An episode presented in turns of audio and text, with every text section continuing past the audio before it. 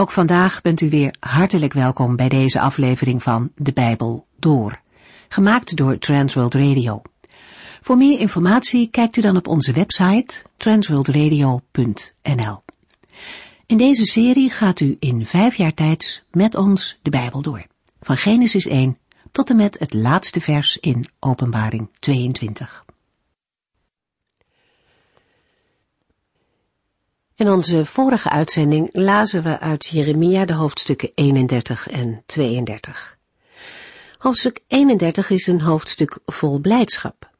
Daarin vinden we alleen maar woorden van redding en van heil. Israël komt terug in het land en leeft in volmaakte vrede met de Heere. En de Heere vertelt over zijn eeuwige liefde voor zijn volk. Hij vergelijkt haar met een jonge bruid en even later met een lievelingszoon. In menselijke beelden wordt duidelijk hoe bijzonder veel de Heere van zijn volk houdt. Het is ook een tijd waar de Heere naar uitkijkt. Na de belofte van het nieuwe verbond volgen nog twee profetieën. De eerste maakt duidelijk dat de Heere zijn volk nooit zal verwerpen. En de tweede gaat over het herstel van het land. Deze slotwoorden van de rol met troostprofetieën kijken opnieuw naar de toekomst, de tijd waarin het voorzegde herstel aanbreekt. Dan zal Jeruzalem voor de Heere herbouwd worden. Het beschrijven van de omtrek van de stad maakt duidelijk dat de hele stad in zijn volle omvang herbouwd zal worden en zo in ere wordt hersteld. En dit herstelde Jeruzalem zal blijven bestaan. In Jeremia 32 zit de profeet gevangen in het paleis en wordt Jeruzalem belegerd door het Babylonische leger. Toch koopt Jeremia een stuk grond in zijn thuisstad Anatot. Ook dit is een daad met een profetische betekenis. De koop van een stuk land wijst vooruit naar een tijd van herstel. Jeremia zelf begrijpt niet waarom de Heere hem deze opdracht geeft. Hij twijfelt over het nut van deze koop. En toch doet hij gehoorzaam wat de Heere hem heeft opgedragen. De profeet zoekt ook de Heere op om hem over zijn twijfels te vertellen en hij begint zijn gebed met lofprijzing. De Heere antwoordt en laat zien dat voor hem niets onmogelijk is.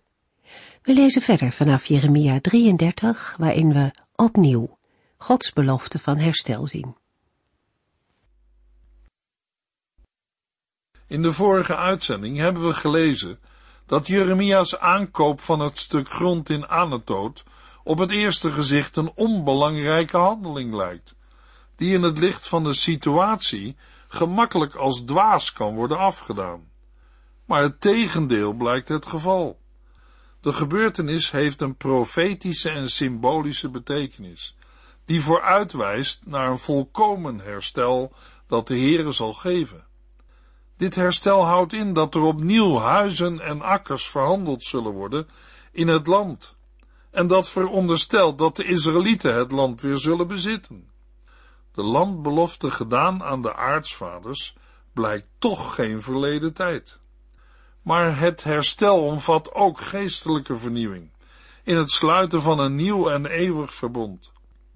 De Heere bewerkt een verandering van hart en denken bij Israël, zodat zijn volk hem wil en kan dienen.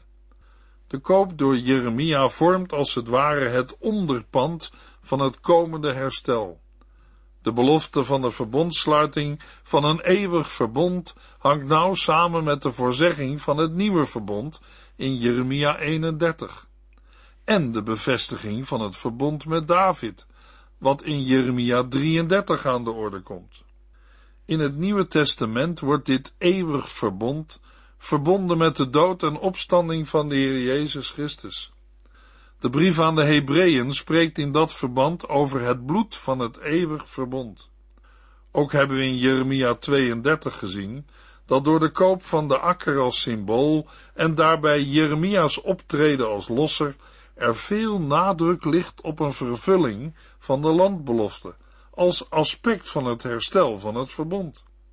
Weliswaar is het volk ten tijde van Esra teruggekeerd uit de Babylonische ballingschap, en is het ook na de latere verstrooiing onder de volken weer teruggekeerd naar het land. Maar van een in veiligheid en vrede leven in Jeruzalem is nog geen sprake.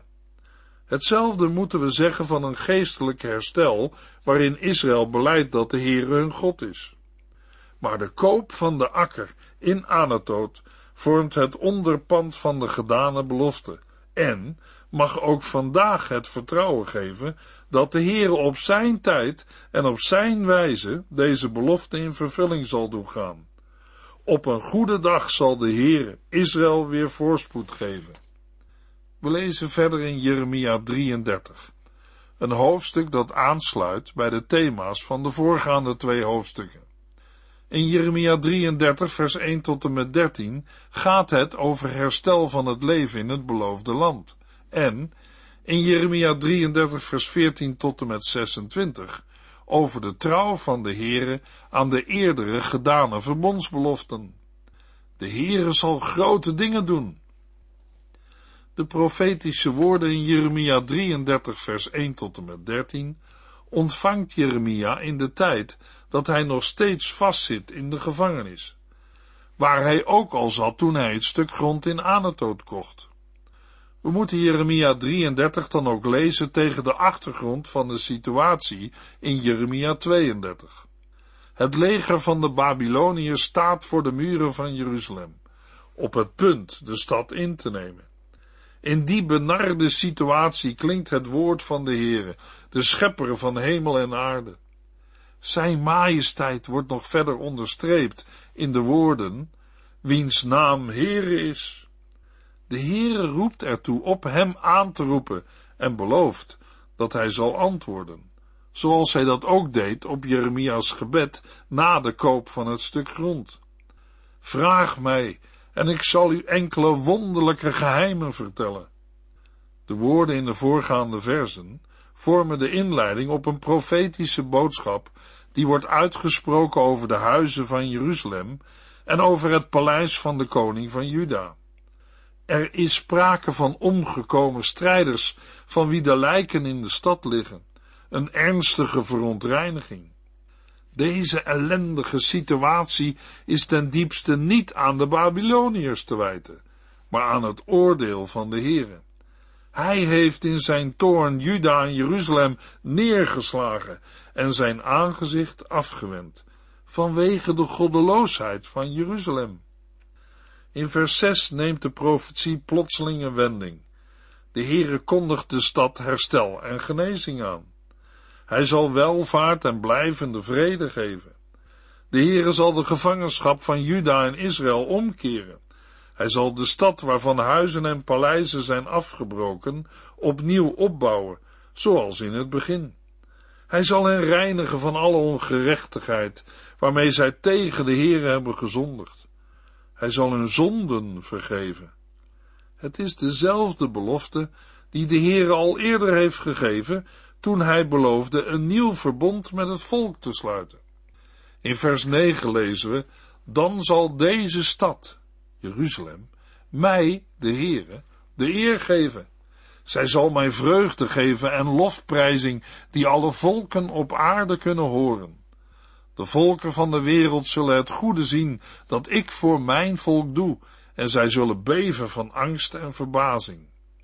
Dit was van meet af aan het doel van het verbond dat de Heere met Israël had gesloten.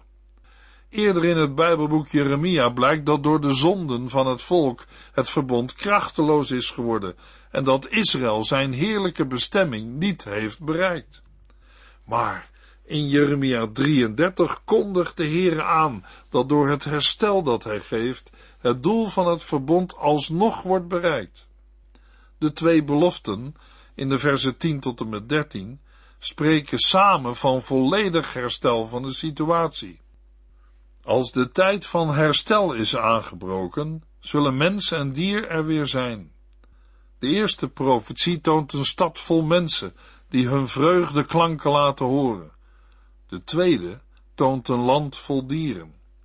In Jeremia 33, vers 14 tot en met 26 lezen we drie profetieën die elk in aanhef verschillen, maar nauw met elkaar samenhangen en een doorgaande gedachtenlijn laten zien.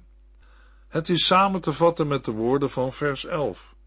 De mensen zullen zingen, dank de Heere, want hij is goed en zijn goedheid en trouw zijn eeuwig. In deze verse wordt in het bijzonder teruggegrepen op de belofte aan David, die Jeremia ook eerder in het troostboek mocht bevestigen. Maar er wordt ook gerefereerd aan andere verbondsbeloften. De aankondiging in vers 14 maakt duidelijk dat wat wordt gezegd pas in de verdere toekomst zijn vervulling zal vinden.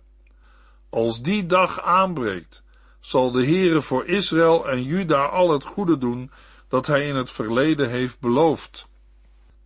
De versen die volgen beschrijven hoe de Heere deze beloften zal vervullen. Vers 15. In die dagen zal ik David een rechtvaardige nakomeling geven, hem op de troon zetten en hij zal rechtvaardig regeren. In die dagen zal Juda worden gered en zal Jeruzalem veilig wonen en hun leuze zal zijn, de Heer is onze gerechtigheid. De woorden uit vers 17, want de Heere heeft verklaard dat altijd een erfgenaam van David op de troon van Israël zal zitten, grijpen terug op woorden die de Heer aan Salomo gaf na de inwijding van de tempel. Het is te lezen in 1 Koningen 9 vers 5. In 1 Koningen 9 lezen we ook dat de belofte wordt gevolgd door de waarschuwing dat als de Israëlieten ongehoorzaam zijn, de Heer hen uit het land zal verdrijven en zal toelaten dat de tempel wordt verwoest. En dat is precies wat er in Jeremia's dagen gebeurt. Het is dan ook veelzeggend dat de Heere de onvoorwaardelijke belofte aan David, die hij aan Salomo heeft bevestigd, in Jeremia 33 herhaalt. Zelfs nu dit zware scenario van ballingschap en verwoesting van de tempel werkelijkheid is geworden, is de Heere zijn belofte niet vergeten. Ze blijven van kracht. In vers 18 worden dezelfde woorden toegepast op de Levieten. Dezelfde belofte aan David en de Levieten staan ook op de achtergrond van de volgende twee profetieën. In beide valt opnieuw alle nadruk op de blijvende verbondstrouw van de Heer. Het is zeker dat de Heere zijn verbondsbelofte aan David en aan de Levieten in vervulling zal doen gaan. In het vervolg worden Gods verbondsbeloften verwoord met een beeld uit de verbondsbeloften aan Abraham. Zo ontelbaar als de sterren, zo ontelbaar groot als het zand van de zee, zo zal het nageslacht van David en van het huis van Levi zijn. In vers 22 sluit de laatste profetische boodschap van troost nauw aan bij het voorgaande, maar gaat ook een stap verder, doordat de blik gericht is op het volk als geheel. Met andere woorden, zolang de wereld draait, zal de Heere zijn volk niet verwerpen. Geen menselijke situatie kan daarin verandering brengen. Ja, Israël wordt geoordeeld. Dat heeft Jeremia herhaaldelijk moeten aankondigen. Maar het oordeel is niet het einde. Al lijkt het in het licht van het oordeel nog zo onwaarschijnlijk, de Heere die de aarde in stand houdt, staat er zelf garant voor dat zijn beloften aan de aartsvaders en aan David in vervulling gaan. Jeremia 33 sluit af met het refrein dat in deze hoofdstukken telkens terugkeert. Samengevat, de Heere zal een keer brengen in de gevangenschap van zijn volk, en hij zal hun weer voorspoed geven.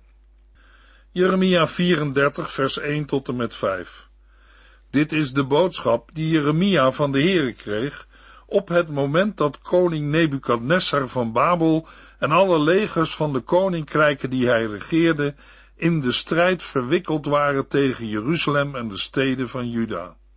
Ga naar koning Sedekia van Juda. Vertel hem dat de Heere zegt, ik sta op het punt deze stad aan de koning van Babel te geven, en hij zal haar plat branden. U kunt niet ontsnappen, want men zal u gevangen nemen en voor de koning van Babel leiden. Met uw eigen ogen zult u de koning van Babel zien, en hij zal u veroordelen en als balling naar Babel sturen. Maar luister nu, koning Sedekia van Juda. God zegt dat u geen gewelddadige dood zult sterven. Te midden van uw eigen volk zult u een rustige dood sterven en men zal ter nagedachtenis aan uw reukwerk verbranden, net zoals ze voor uw voorouders deden. Ze zullen om u huilen en zeggen, ach, onze koning is dood. Dit beloof ik u, zegt de Heere. Vanuit het standpunt van Nebukadnessar is te begrijpen dat hij de herhaalde opstand streng afstraft. Maar uit de tekst blijkt ook dat de Heere de geschiedenis bestuurt. Hij heeft eigen redenen voor de straf van Jeruzalem. Sedekia zal oog in oog met de koning van Babel komen te staan, die persoonlijk met hem zal spreken. Daarna zal Sedekia naar Babel worden gebracht. Eerder was er gecorrespondeerd, maar nu zal het een persoonlijke ontmoeting worden. Het oog in oog staan met Nebukadnessar is maar tijdelijk, want na de ontmoeting worden de ogen van Sedekia uitgestoken. Dat is het slechte nieuws, maar er is ook goed nieuws. Sedekia zal geen gewelddadige dood, maar een rustige dood te midden van zijn eigen volk sterven. Het volk zal voor hem ter nagedachtenis reukwerk verbranden en rouw bedrijven door te roepen, ach, onze koning is dood. De Heere zegt, dit beloof ik u. Terwijl Jeremia deze woorden tot Sedekia spreekt, strijdt het leger van Nebukadnessar tegen Jeruzalem en tegen de steden van Juda die nog stand houden, namelijk Lachis en Azeka. Jeremia 34 vers 8 en 9 Deze boodschap kreeg Jeremia van de Heere, nadat koning Sedekia van Juda in overleg met het volk alle slaven in Jeruzalem de vrijheid had gegeven. Want koning Sedekia had iedereen bevolen zijn Hebreeuwse slaven vrij te laten, zowel mannen als vrouwen. De ene Judeër mocht niet de meester zijn van een andere Judeër, omdat ze allemaal tot hetzelfde volk behoren. In Jeremia 34, vers 8 tot en met 22 lezen we over de herroeping van de vrijlating van de Hebreeuwse slaven. Sedekia had tijdens de eerste fase van het beleg een verbond met het volk gesloten dat iedereen zijn Hebreeuwse slaven en slavinnen zou vrijlaten. De motieven staan er niet bij. Het meest aannemelijk is dat de vrijlating in eerste instantie te maken heeft met het Sabbatjaar rond 588 voor Christus. Dat er toen een Sabbatjaar was, valt op te maken uit een reconstructie van de chronologie van de jubel- en Sabbatjaren. Hoewel vrijlating van schuldslaven niet gebonden was aan een sabbatjaar, kan het sabbatjaar wel de aanleiding zijn geweest tot de vrijlating. Maar zodra de tweede fase van het beleg intrad, namelijk toen de Babyloniërs weg moesten trekken om de Egyptenaren tegemoet te gaan, kwam iedereen snel terug van deze actie en nam zijn slaven en slavinnen weer terug. Na deze gebeurtenissen komt het woord van de Heere tot Jeremia. De Heere, de God van Israël, herinnert aan het verbond dat gemaakt is met de voorouders toen hij hen uit Egypte, uit het slavenhuis uitvoerde. Hierna volgt de inhoud van een gebod uit het verbond van de Sinaï. Na zeven jaar moet een Hebreeuwse slaaf worden vrijgelaten. Maar de voorouders luisterden niet en deden niet wat de Heere had geboden. In Jeremia 34 wordt gerefereerd aan het feit dat het volk het deze keer wel had gedaan. Ter bezegeling was er een verbond in de tempel gesloten. Er was een plechtige belofte gedaan. Het was een serieuze en ook een godsdienstige zaak. De verbreking van dit godsdienstige verbond is daarmee des te erger. Juda heeft de naam van de Heere ontheiligd door de slaven en slavinnen weer tot slaven te maken. Het terugkomen op een plechtige belofte voor het aangezicht van de Heere uitgesproken, is een schending van Gods naam en daarom een ontheiliging. Het gedeelte eindigt met de boodschap, zoals de mensen hun slaven weer terugnamen, zo zal de Heere de Babyloniërs weer terugbrengen. Jeremia 34 laat zien dat het bij godsdienstige handelingen niet alleen om de inhoud gaat, maar ook om de blijvende geldigheid en motieven. Zodra het gevaar geweken was, koos het volk van Jeruzalem weer voor zichzelf door de belofte terug te draaien. Maar zo mag en kan een mens niet omgaan met Gods inzettingen. Het is nodig eenmaal gedane geloften aan de Heere na te komen. Jeremia 35 toont als tegenhanger het voorbeeld van de Regabieten. Dan dringt zich in Jeremia 36 de vergelijking met koning Josia weer op.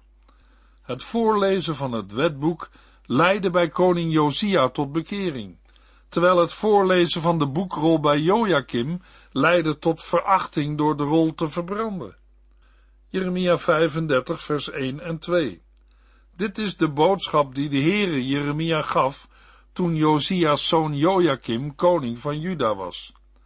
Ga naar de familie van de Regabieten en nodig hen uit in de tempel. Neem hen mee naar een van de zijkamers in de tempel en bied hun wijn aan. Goed om even bij de datering stil te staan.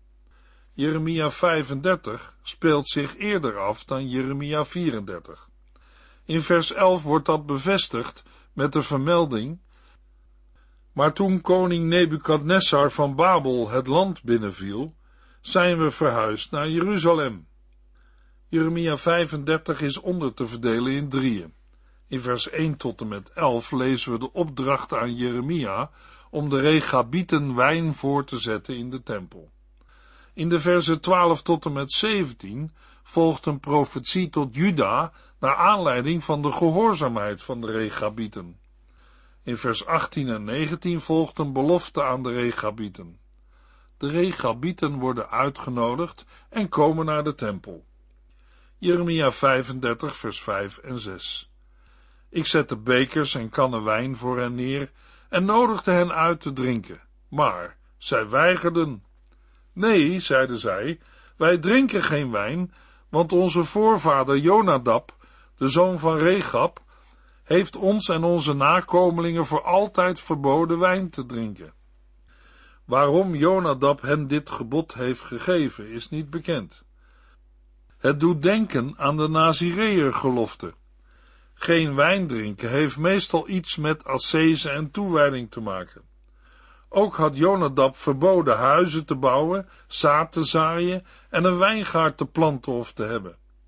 Ze mochten zich niet ergens blijvend vestigen, maar moesten in tenten wonen, voor altijd, opdat zij lang zouden leven in het land waar zij als vreemdelingen verbleven. In het vervolg wordt de gehoorzaamheid van de Regabieten, Juda en Jeruzalem als voorbeeld voorgehouden. Jeremia 35 vers 13 en 14 Nu kunt u iets leren van de gezinnen van de Regabieten. Zij drinken geen wijn, omdat hun voorvader Jonadab dat heeft gezegd. Zij zijn tenminste gehoorzaam. Maar ik heb keer op keer tegen u gesproken, zonder dat u luisterde of gehoorzaamde.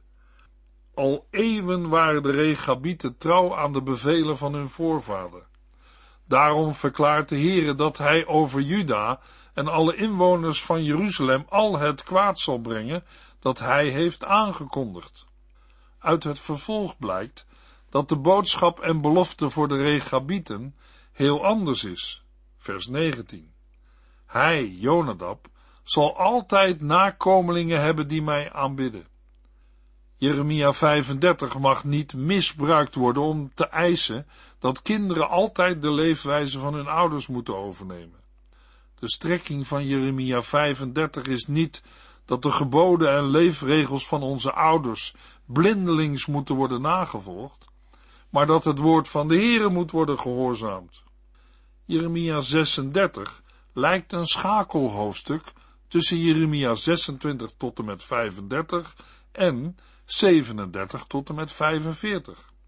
Het hoofdstuk is verbonden met het voorgaande en wordt daarom soms gezien als een afsluiting. Ook past het hoofdstuk bij het vervolg over de opsomming van de zonde van het koningshuis. Jeremia 36 is inhoudelijk sterk verbonden met Jeremia 25. Beide hoofdstukken vermelden woorden die vanaf de tijd van Josia gesproken zijn tot Israël, Juda en de volken. Verder wordt zowel Jeremia 36 vers 1 tot en met 8 als Jeremia 25 in het vierde jaar van Joachim gedateerd. Er is ook een relatie met Jeremia 45 en 51. Deze hoofdstukken illustreren de activiteiten van Baruch, waarbij Jeremia 45 ook in het vierde jaar van Joachim gedateerd wordt. Gezien de lengte van deze uitzending moedig ik u aan Jeremia 36 op een ander moment voor uzelf door te lezen. Het is een prachtig voorbeeld van hoe het woord van de Heer op schrift is gesteld en wat wij ons daarbij moeten voorstellen. Baruch schrijft de woorden van Jeremia op, vers 1 tot en met 8. Daarna, in de versen 9 tot en met 26, worden de woorden voorgelezen in de tempel en voor de koning. De versen 27 tot en met 32 vertellen dat Baruch daarna opnieuw de woorden opschrijft die Jeremia van de Heere ontvangt. De drie gedeelten zijn in zekere zin onafhankelijk van elkaar, omdat ze over drie verschillende momenten in de geschiedenis gaan. Ze zijn bij elkaar geplaatst tot één geschiedenis. Er is een interessante parallel met de boekrol die in 622 voor Christus in de tempel gevonden werd en aan koning Josia werd voorgelezen. In beide gevallen spelen Safan en zijn zoon een belangrijke rol. De reactie is echter precies het tegenovergestelde. Josia scheurt zijn kleren, terwijl Joachim de boekrol vernietigt. Joachim is het antitype van zijn vader Josia, net als Juda van de Regabieten in Jeremia 35. Met Joachim loopt het verkeerd af. Niemand van zijn nakomelingen zal op de troon van David zitten. In de volgende uitzending lezen we Jeremia 37 tot en met 39. U heeft geluisterd naar De Bijbel Door, in het Nederlands vertaald en bewerkt door Transworld Radio. Een programma waarin we in vijf jaar tijd de hele Bijbel doorgaan. Als u wilt reageren op deze uitzending of u heeft vragen, dan kunt u contact met ons opnemen. Tijdens kantooruren kunt u bellen op 0342 478432. 0342 478432. Ook kunt u een e-mail sturen naar de at transworldradio.nl en natuurlijk kunt u ook via de post ons bereiken. TWR, postbus 371, postcode 3770, AJ in Barneveld. Dit programma werd gepresenteerd door Cor Weda en Ike André. Techniek was in handen van Odin van Voerkom. En wij allemaal bedanken u voor het luisteren. Graag tot de volgende keer.